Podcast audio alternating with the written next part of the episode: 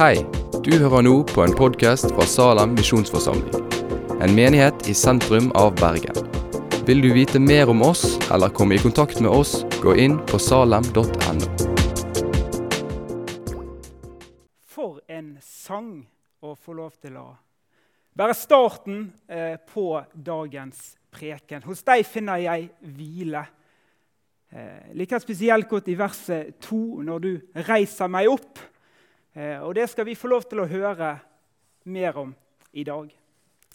For de som ikke kjenner meg, så heter jeg Magnus. Var jeg stresset at jeg kom til å rote det til med klokken i dag? Ja, det var jeg. Var jeg stresset for at jeg kom til å glemme teksten og Bibel hjemme? Ja, det var jeg. Var jeg stresset når ungene drev og hang i buksen min i dag tidlig og skulle ha mat mens jeg prøvde å få roen over det jeg skulle si? Ja, det var jeg.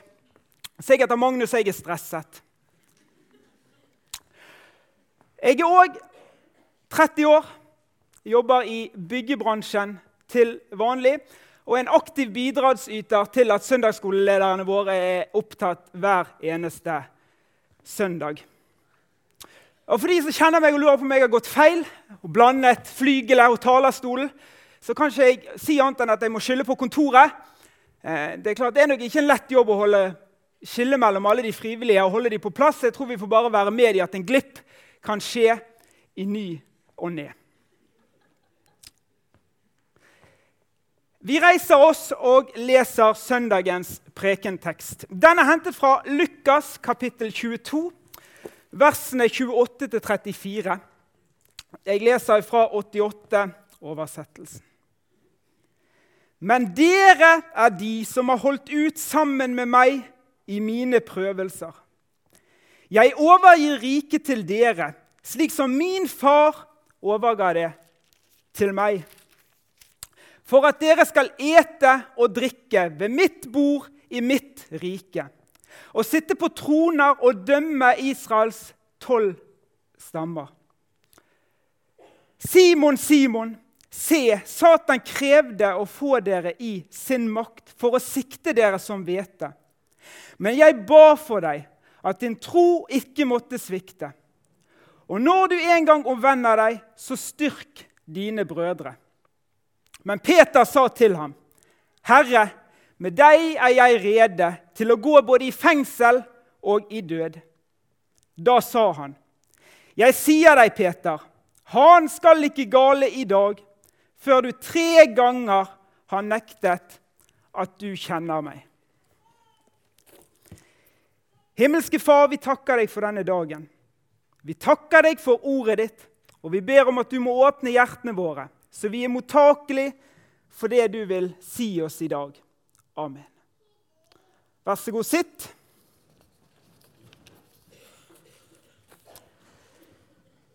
Det er tredje søndag i fastetiden. Det er påske, det er skjærtorsdag. Jesus har spist påskelammet med disiplene og innstiftet nattverden. De sitter rundt nattverdsbordet. Jesus vet at han skal inn til Getsemane. Han har fortalt disiplene at noen kommer til å forråde ham. Før disiplene krangler så om, om hvem av de som skal regnes den største. Jesus må da irettesette dem. Kranglingen mellom disiplene det kan være med på å vise oss at de er folkelige, vanlige mennesker, akkurat som vi er. Det er kanskje flere som kan kjenne seg igjen i disiplenes fremtreden. Som et utgangspunkt for dagens tekst tenker jeg er Peter. Og hva kjennetegner Peter? Peter, som vi kjenner, han het opprinnelig Simon. Han var en fisker som møtte han Jesus og fulgte han. I Matteus 16, 15, så skildres Peters forhold til Jesus på en fin måte. Jesus spør disiplet hvem han er. Da svarte Simon Peter og sa, 'Du er Messias, den levende Guds sønn.' Jesus svarte han og sa, 'Salig er du, Simon, Jonas' sønn.' For det er ikke kjøtt og blod som har åpenbart dette for deg, men min far i himmelen. Jeg sier deg at du er Peter, og på denne klippen vil jeg bygge min menighet. Jesus han tenker ikke smått om Peter. Han var en av nærme, Jesus sine nærmeste disipler. Og som en liten digresjon, Hvis du søker på 'fun fact' og Peter, så finner du faktisk noe. Og Da finner du en sammenligning mellom Peter og dr. Watson i Sherlock Holmes. Han kan ofte si de rare ting, men på en god og forståelig måte for oss. Vi skal gå løs på teksten, men, men innledningsvis så, så, kjenner jeg et behov for å si at, at teksten i dag er litt delt. Den er både til oppmuntring, men den kan òg være til, til, til, sorg. Det er en, en, utfordrende tekst. Vi kommer inn på, på vanskelige tema som, som Satan og prøvelser. Men avslutningen er god, så hold ut. Søndagens tekst starter med at Jesus anerkjenner at disiplene hadde vært med han og litt med han under hans liv på jorden. Han sier, 'Men dere er de som har holdt ut sammen med meg i mine prøvelser.' Dette er ikke ord til oss. Ordene er ikke ment til å gjelde alle, men de var spesifikt ment for disiplene. Og det er anerkjennende ord disiplene får høre her fra Jesus om de tre årene de hadde gått sammen med ham. Vi vet at disiplenes vandring med Jesus det var ikke utelukkende oppturer. Det var nok heller ikke alltid lett å være en disippel. De gjorde feil, og de syndet, i motsetning til Jesus. Likevel så fulgte de han. Videre i teksten så leser vi «Jeg overgir riket til dere, slik som min far overga det til meg.» Og Allerede her så, så må vi stoppe litt. Hva, hva sier Jesus? Jo, mandatet, eller autoriteten om du vil, som Gud ga Jesus, gir han nå videre til disiplene. Jesus gir disiplene i oppgave å fortsette det arbeid som han hadde påbegynt. Og Det er en litt spesiell setting dette sies i. Her når Jesus overdrar riket til disiplene. De har akkurat stått der og kranglet om verdslige ting. Hvem av de skal være, bli regnet som den, den største? Er disiplene verdig dette oppdraget? Jesus syns det. Han har større tanker om disiplene. Han ser forbi manglet deres. Belønningen det kommer i verset etterpå. For at dere skal ete og drikke ved mitt bord i mitt rike og sitte på troner og dømme Israels tolv stammer. Disiplene får her kongelige gaver i retur. De blir lovet en plass ved kongens bord i himmelen og gitt lov å hjelpe Jesus å herske over Israel ved gjenkomsten. Lukas tidfester det ikke her, men i Matteus så viser det til gjenkomsten i 1928. Hva kan vi trekke ut så langt? For min egen del så har jeg litt lett for å tenke på prøvelsene som, som jeg blir stilt på. At prøvelsene er noe bare svake mennesker som jeg sjøl må leve med. Men i teksten så blir vi minnet på at òg Jesus ble stilt overfor prøvelser. Som f.eks. i Matteus 1, når han ble ført ut i ørken, i ørken for å bli fristet av djevel. Her takker Jesus disiplene for at de har blitt ved han gjennom prøvelsene. Disiplene levde med Jesus i gode og onde dager. Og det skal vi òg få lov til. Og så er det godt for oss å få vite det at han vi tror på, òg kan relatere seg til våre utfordringer og vanskeligheter som vi går gjennom. Det som jeg syns kanskje er den mest utfordrende delen av denne teksten, det er når Peters fornektelse forutsies. Jesus sier, 'Simon, Simon'. Her minner Jesus Simon på hvem han var før han møtte Jesus. Hvor å det gamle navnene hans. Og Jeg tror nok ikke det er tilfeldig at han ikke bruker Peter-navnet her. Satan krevde å få dere i sin makt for å sikte dere som hvete. Å sikte det er det samme som å skille. Her gjelder det ikke bare disippel, nei, Peter, men alle disipler hadde Satan bedt om lov til å plage. Satan ville skille det gode fra det onde. Her kan vi trekke paralleller til, til Jobbs bok, hvor Satan ba om å få prøve jobb. Forskjellen var at jobb besto, men Peter gjorde ikke. Men han vendte seg likevel om. Kan det her tenkes at, nei, at Jesus forberedte Peter for hans oppgaver senere, som apostel han ble? Jeg vet ikke hva du tenker på når du hører, hører ordet Satan. Mange tenker på Satan som en figur med høygaffel, med horn og med hale. En skapning som tvers igjennom er ufyselig. Og For min egen del så hører jeg navnet titt og ofte. Det gjør kanskje du òg. Men i de aller fleste tilfeller så hører vi navnet i en kontekst hvor det er helt tydelig at de som bruker det, ikke vet hva det vil si. Satan brukes i dag et at, som et ord for at 'dette gikk ikke bra'. Men vi som leser Bibelen, vi vet at det ikke er det korrekte bildet. Det er ikke til å stikke under en stol at Satan er mer enn et skjellsord.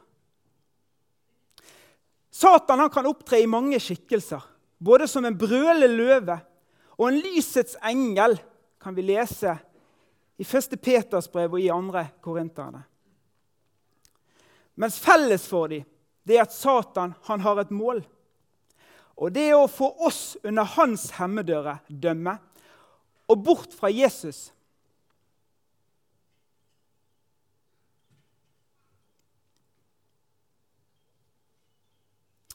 Satan skyr ingen midler. Og han bruker vårt ego og vår stolthet til å fortelle oss at vi klarer oss helt fint sjøl. At vi ikke trenger Jesus.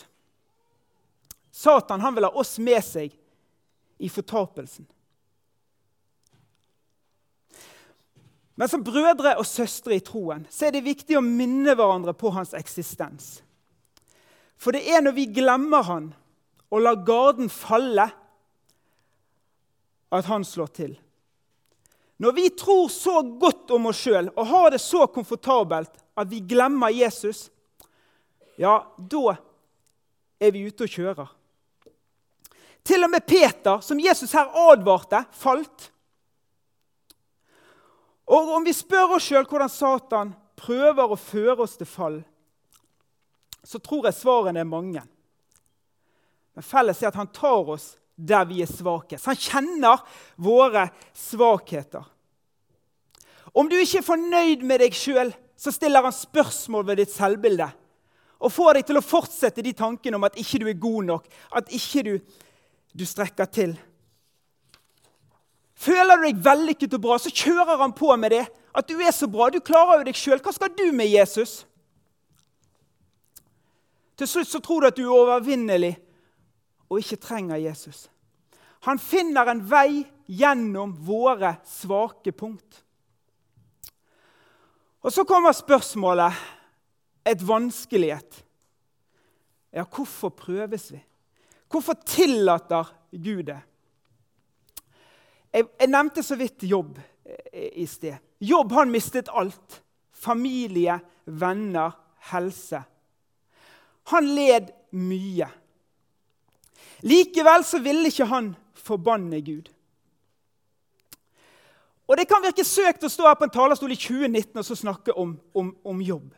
Men Satan prøver oss i dag som han gjorde med jobb for 2500 eh, år siden. Om vi liker det eller ikke, så må vi ta inn over oss at det å være en kristen ikke utelukkende er glede og fest hele tiden, sånn noen vil ha det til. Og, det blir dessverre forkynt rundt i verden til tider. Jakob han skriver i kapittel 1 og vers 2.: Mine brødre, Akt det for bare glede når dere kommer i mange slags prøvelser. For dere vet at når troen blir prøvd, virker det tålmodighet.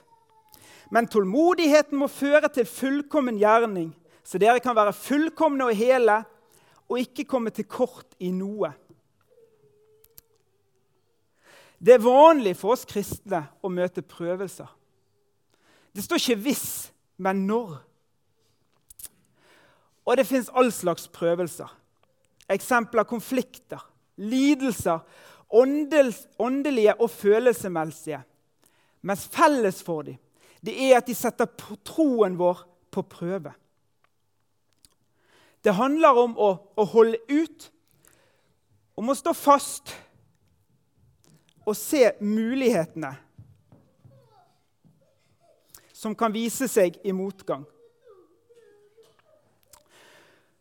For å klare det så må vi tilbake til det grunnleggende ved troen. Hva bygger jeg troen min på? Peter han sier det samme i, sitt første brev, i kapittel 4 og vers 12.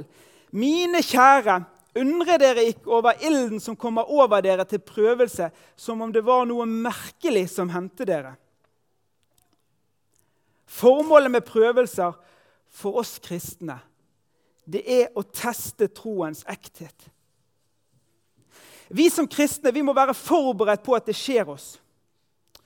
Så får vi litt trøst i verset etterpå, i vers 13. Men i samme grad som dere har del i Kristi lidelser, skal dere få glede dere, for at dere også kan juble i glede når Hans herlighet blir åpenbart. Og så tror jeg jeg skal skynde meg og så skyte inn at det å stå og snakke om prøvelser og lidelser, det er vanskelig.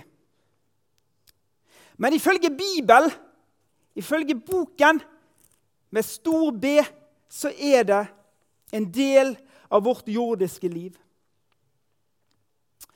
Å forkynne disse ordene til den som står midt oppi noe vanskelig Det tror jeg vi skal gjøre med, med varsomhet. Men vi skal ikke pakke det inn, og vi skal ikke pynte på det. Men vi skal forkynne det som en søster eller bror, som en som bryr seg og kan gå sammen med den som sliter. Vi må ikke gå i den fellen og gjøre som Jobbs venner. Ta den harde tonen, sånn som Elifas gjorde. Og du som sitter her i dag, du ser forhåpentligvis Salem som ditt åndelige hjem. Og da skal du vite at du står ikke alene om lidelser, om prøvelser. For her i familien vår, så er det brødre og søstre som du kan snakke med, som du kan dele byrdene med. Og det syns jeg er viktig å få frem. Ingen skal gå alene. Livet med Jesus det gjelder både i med- og motgang. I opp- og i nedturer. Og når vi er for svake til å be sjøl, så får vi hvile i ordene i Romerne 8,34 om at Jesus han går i forbønn for oss.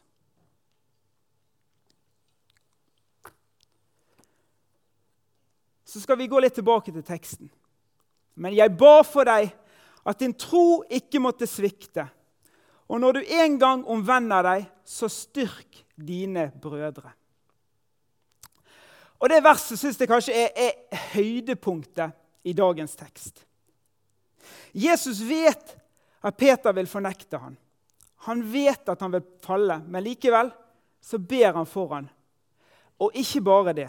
Jesus reiser her Peter opp allerede før han har falt.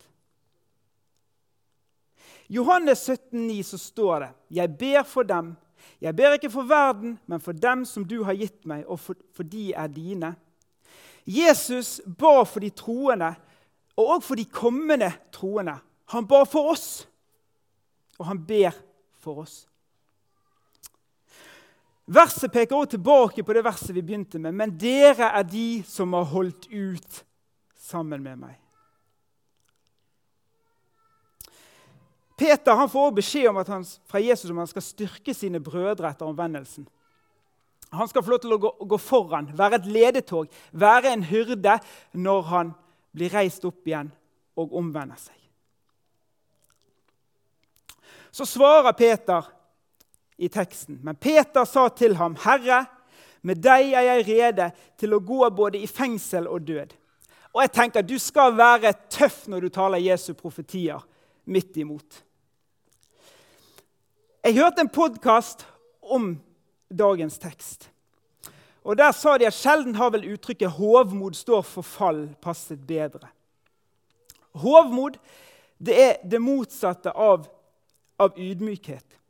Og det var ikke akkurat ydmyk Peter var her når han sa dette. Samtidig så tror jeg vi skal være litt for å si det litt bibelsk, forsiktig med å kaste den første stein. Ja, Hva ville jeg gjort om jeg hadde vært i Peters sko?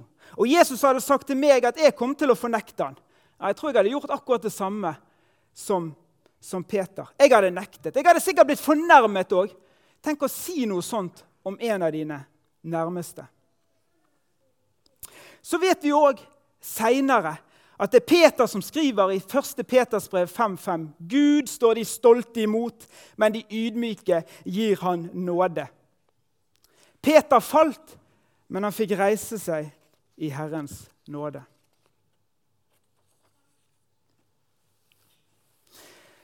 Teksten den avslutter med da sa han, 'Jeg sier deg, Peter, han skal ikke gale i dag.' Før du tre ganger har nektet at du kjenner meg. Og så vet vi hvordan det, hvordan det endte. Peter fornektet Jesus tre ganger, akkurat som det var sagt. Så kommer et nytt spørsmål.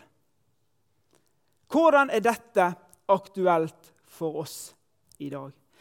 Jeg har vært så heldig at jeg har både vært elev og ansatt på Sygna videregående skole i Balestrand. Der hadde jeg en kollega som i hver eneste bibelgruppe spurte hvordan er dette aktuelt for oss i dag. Hva vil Gud si oss med disse ordene i 2019? For min egen del så kan jeg si at jeg kan kjenne meg godt igjen i det nederlaget som Peter fikk kjenne på.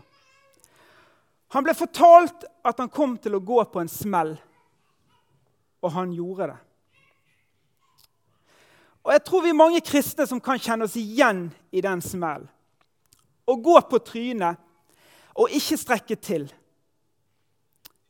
Vi møter motgang, plages med kamper mot fristelser og synd. Da skal vi få vite at Jesus går i forbønn for oss, akkurat som han gjorde for Peter. For det er hvem du går til når det skjærer seg, som er avgjørende. Disiplene de gikk til Jesus, og det skal du få gjøre, og det skal jeg få gjøre òg. Og vi skal få gjøre det igjen og igjen og igjen. Og jeg må være ærlig og si at for min egen del så faller jeg ofte. Jeg gjør ting jeg ikke burde gjort. Jeg tenker tanker jeg aldri burde tenkt, og jeg sier ord som aldri skulle vært sagt. Men sviktet, eller sviket, det kommer først når vi forlater Jesus, ikke når vi faller. Satan han er ekte. Det fins ingen annen måte å si det på. Han vil hjelpe oss å falle i synd så ofte han får muligheten. Men du skal få lov til å vite at Jesus han har vunnet over han.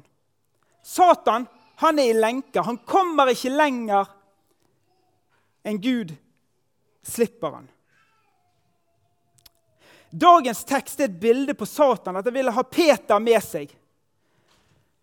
Men som vi vet, så tapte han, og Jesus vant. Peter ble hos Jesus og det ble òg Peters redning. Jeg har lyst til å trekke frem noen vers fra fortsettelsen.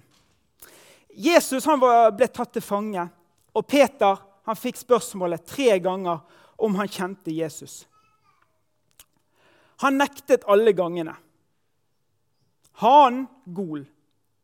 Så står det i verset 62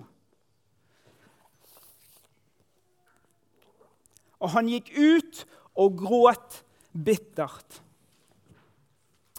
Det er sterke ord. Det er vanskelig for oss å kunne ja, Jeg vet ikke om vi klarer å sette oss i situasjonen som Peter her var i. Han hadde blitt fortalt at han kom til å forråde Jesus, men han var så selvsikker på at det skulle ikke komme til å skje. Så skjedde det, og så står han der. Så kjenner vi historien. Jesus han ble korsfestet. Han ble gravlagt, og han sto opp igjen. Og når han åpenbarte seg for disiplene igjen, så fikk Peter spørsmålet Elsker du meg? Ikke bare én gang, men tre ganger. Peter hadde fornektet Jesus tre ganger. Han fikk mulighet til å bekrefte sin kjærlighet for Jesus tre ganger. Og jeg synes Det er et fantastisk godt bilde på at vi skal få komme igjen og igjen og igjen. Uansett hva som måtte ha gått galt. Og vi skal gå som en avslutt. Jeg jeg skal runde av. Men hvis du skulle sovne, ha sovnet innledningsvis, så ber jeg iallfall om at du våkner, og så får du med deg dette. Disiplene de kunne ikke alt. De visste ikke alt. De forsto ikke alt. Men de ble likevel valgt til å tjene Jesus og forvalte hans menighet rike. De fikk oppgaver som langt overgikk evnene deres. Men Jesus han ga dem tillit og tiltro. På samme måte skal vi få ha tillit og tiltro til at òg vi kan få være med og bringe evangeliet ut om Jesus. Og vi kommer òg til å falle. og Det er ikke snakk om om, men når. Og Vi har lest nå at Peter falt. Men Peter fikk reise seg igjen. Og vet du hva? Det skal du òg, og det skal jeg òg. Det var et spørsmål tidligere i teksten hvor, hvor vi måtte spørre oss sjøl hva bygger du troen på. Bygger du troen din på Jesus Kristus, ja, da er du på rett vei. Og så lenge vi har blikket festet på Han, så skal vi få lov til å være trygg på at djevelens makt er brutt. Trelldomstiden er slutt. Jeg er blitt rik, jeg er frelst, med et blikk på det blødende lam.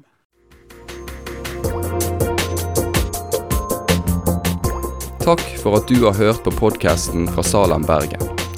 I Salem vil vi vokse i et stadig dypere fellesskap med Gud og med hverandre. Vi vil være Jesu hender og føtter, og vi vil være med og forkynne frelse for Bergen og resten av verden.